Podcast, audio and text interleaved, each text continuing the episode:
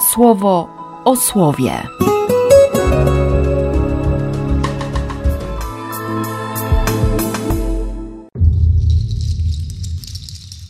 Dwunasty czerwca, sobota. Z księgi Izajasza. Ich plemię będzie zdobywało uznanie wśród narodów, a także ich potomkowie. Ktokolwiek ich zobaczy, odda im cześć, bo oni są ludem pobłogosławionym przez Boga. Wielkim szczęściem z powodu Pana radować się będą. Niech dusza moja weseli się za sprawą Pana. Odział mnie bowiem płaszczem wybawienia i suknią szczęścia.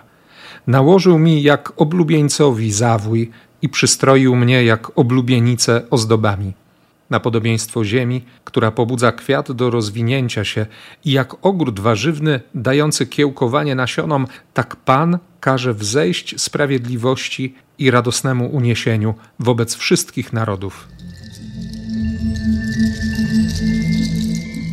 Z Ewangelii według świętego Łukasza.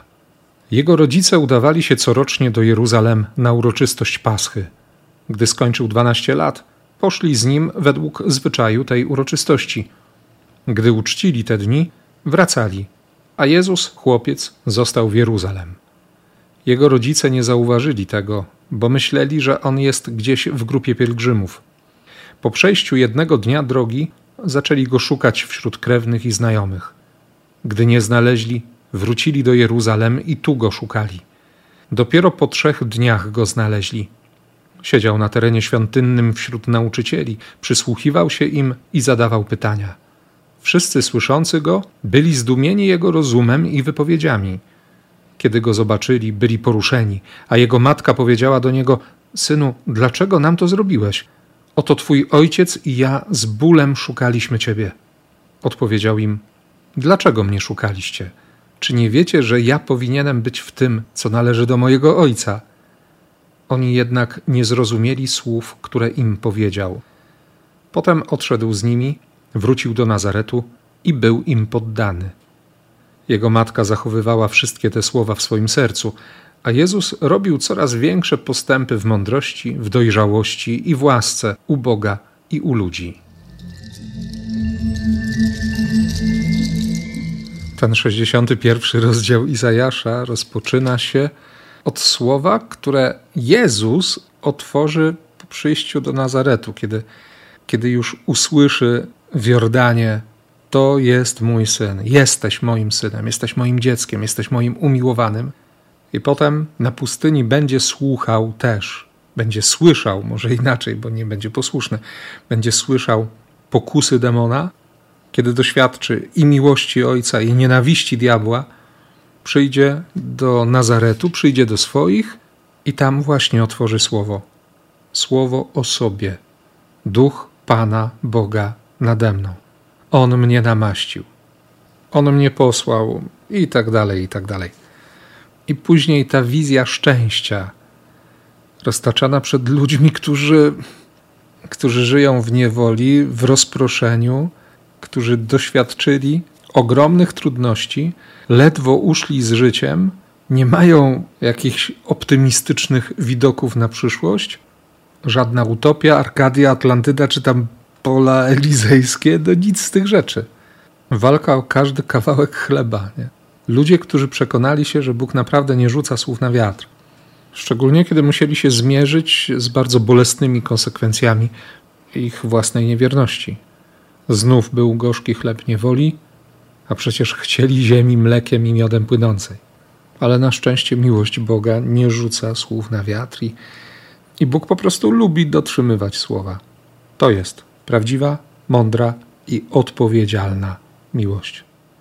Dla ciebie czy dla mnie na wyciągnięcie ręki, nie? bo ciągle się o tym przekonujemy, nawet jeśli nie dowierzamy. Dlatego ten obraz to nie jest jakaś wizja szaleńca, ale szansa na to, by doświadczyć na nowo i Bożego miłosierdzia, i Bożej tęsknoty.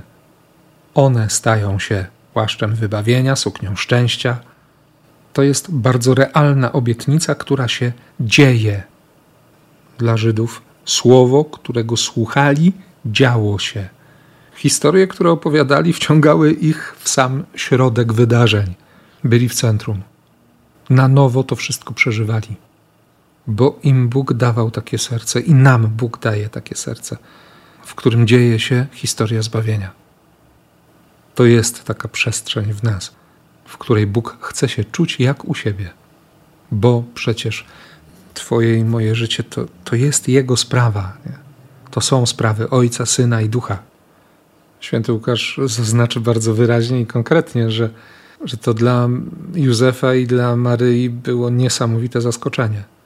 Nie zrozumieli tych słów, które im powiedział. Nie wiem jak ty, no do mnie też często nie dociera, że, że moje życie jest Bożą sprawą, jest Bożym priorytetem, że On naprawdę nie spuszcza ze mnie wzroku nie po to, by potępiać, osądzać czy wytykać błędy, ale żeby kochać. Żebym ja tego doświadczał, nie? Żebym, żebym się o tym ciągle przekonywał i żebym sobie nie ubzdurał czasami, że są takie chwile, w których Boga mój los i moje istnienie nie interesuje. No i ten 51 werset drugiego rozdziału. Odszedł z nimi, wrócił do Nazaretu.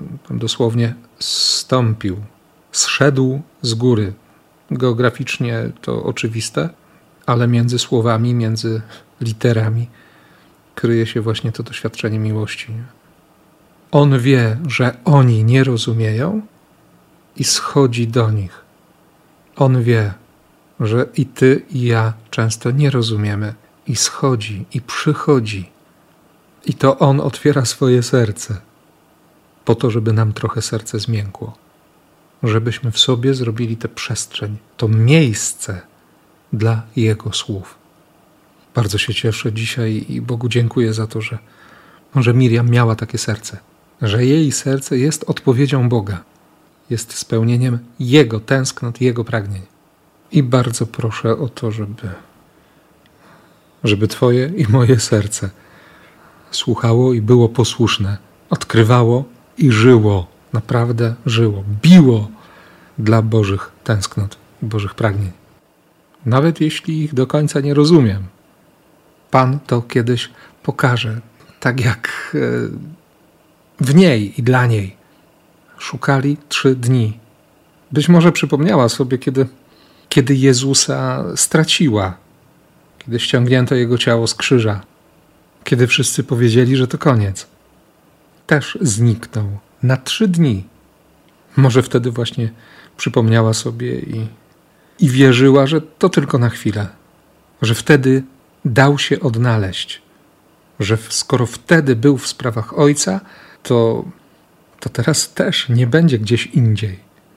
I mówimy, że że wierzyła, że w swoim sercu przechowała wiarę Kościoła. Obyśmy też mieli takie serce, czułe, kochające, słuchające, gotowe do posłuszeństwa. Serce, które wierzy, które pamięta, które kocha zawsze i wszędzie. Niech takie będzie Twoje i moje serce w imię Ojca i Syna i Ducha Świętego. Amen słowo o słowie.